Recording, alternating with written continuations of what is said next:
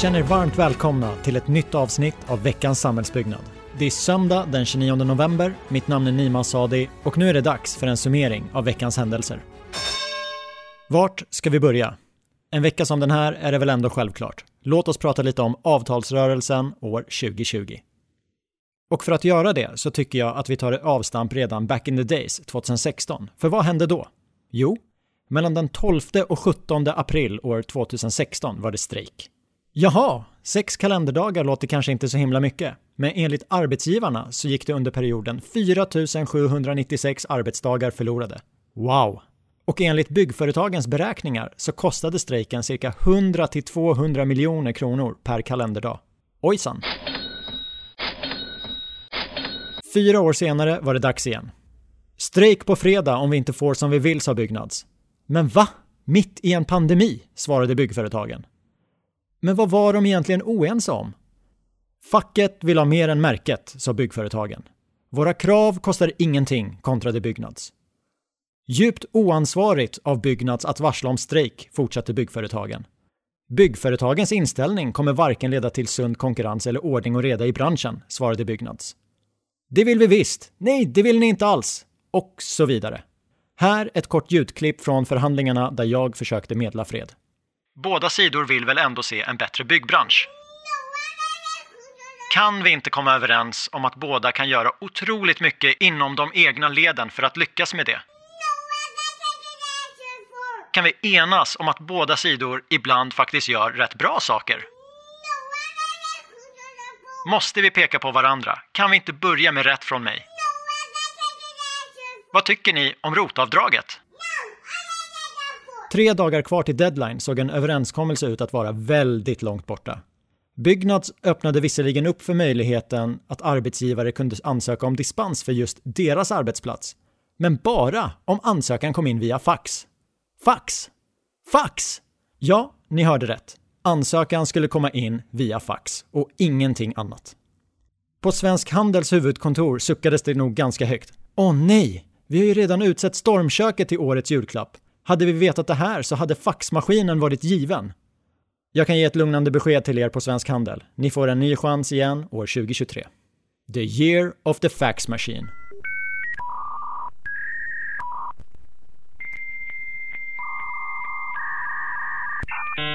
Men det hann aldrig bli något faxande i år. Två dagar före dagen D var parterna överens. Vi har försvarat den framgångsrika svenska lönemodellen, sa byggföretagen. Historiskt nytt avtal för byggbranschen, sa Byggnads. Så kan det gå. Känsla av vinst i båda lägren, helt enligt Petter Stordalens förhandlingstips. Jag har gjort många affärer, många deal genom livet. Men denna är helt speciell. För er som står här, de representerar Nordens kronjuveler. Och apropå Norge, låt oss gå över till nästa segment.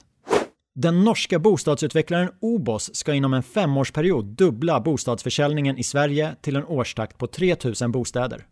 Detta är mer än vad någon annan utvecklare säljer idag.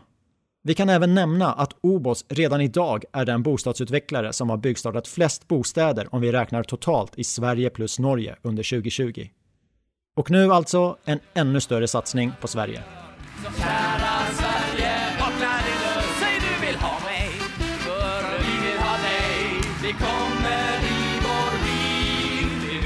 Uppsala, Göteborg, Sundsvall, Malmö, Lidköping, Norrköping, alla sådana Köping Nåja, kanske inte riktigt alla dessa städer på en och samma gång. Enligt bolaget så finns det för tillfället ett extra fokus på Stockholms, Göteborgs och Öresundsregionen. Mer Norge, det har blossat upp till budstrid mellan fastighetsbolagen Castellum och Samhällsbyggnadsbolaget i Norden. Anledningen? Båda bolagen vill köpa den norska sektorkollegan Entra. Just nu finns det två mångmiljardbud på Entra och enligt både Castellum och SBB är just deras egna bud det överlägset bästa. Så det återstår att se vilken friare som faller det norska bolaget i smaken. Kommer ni ihåg avsnitt 79 av hela kedjan? Just precis. Det var det avsnittet då vi pratade om rättvist byggande tillsammans med Stockholmshem och familjebostäder. En av domarna vi pratade om under samtalet är nu klar. Stockholmshem valde att utesluta byggbolaget Bellstroy i sin upphandling av projektet Måsholmen och nu har förvaltningsrätten i Stockholm slagit fast att det var helt rätt att göra det. Detta efter att Högsta förvaltningsdomstolen avslagit Bellstroys överklagan. En viktig seger för hela branschen hälsar Stockholmshem i ett pressmeddelande. Har ni missat avsnittet så är en rekommendation att ni gör något åt saken omgående. In och lyssna! Ola Serneke var i farten i veckan. Under en studentmässa på Chalmers uppgav Ola att Serneke har hittat en partner i Karlatornet-projektet och att det hela kommer att pressmeddelas inom kort. Jaha, sa Stockholmsbörsen, som ansåg att arbetsgången borde vara tvärtom. Först pressmeddelande via börsens kanaler och sedan eventuella kommentarer på studentmässor. Aktien handelsstoppades som en konsekvens av agerandet. Och ni som har lyssnat på tidigare avsnitt av svepet vet att det här är andra gången på kort tid som det här händer just Serneke. Ah, ja, kul för Serneke, kul för Karlatornet-projektet och kanske kan det även bli kul för hela kedjan, för vi jobbar faktiskt på att Ola Serneke inom kort ska gästa podden. Ola, kom igen, det är dags nu. Nu bokar vi in det.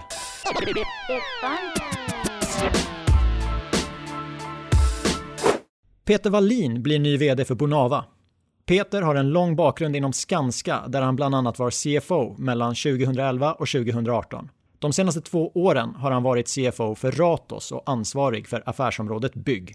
Peter Wallin tillträder sin position senast 1 februari 2021. Dags för veckans topplista som den här gången hämtar inspiration från fastighetsvärldens gallupundersökning där 528 personer inom fastighetsbranschen har varit med och tyckt till. Nummer 1. 21% har för avsikt att så fort pandemin är över återgå till att vara lika mycket på kontoret som de var före virusutbrottet. Nummer 2. 28% vill fortsätta arbeta hemifrån en gång i veckan. Nummer 3. 32% vill fortsätta arbeta hemifrån mellan en till två dagar i veckan. Och nummer 4. 18% vill arbeta hemifrån åtminstone tre dagar i veckan.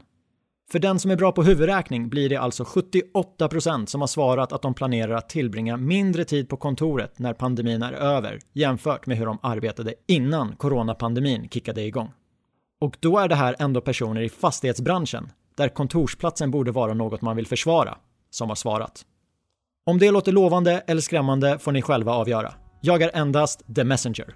Vi hörs snart igen. Hela kedjan släpper nytt på tisdag. Ciao!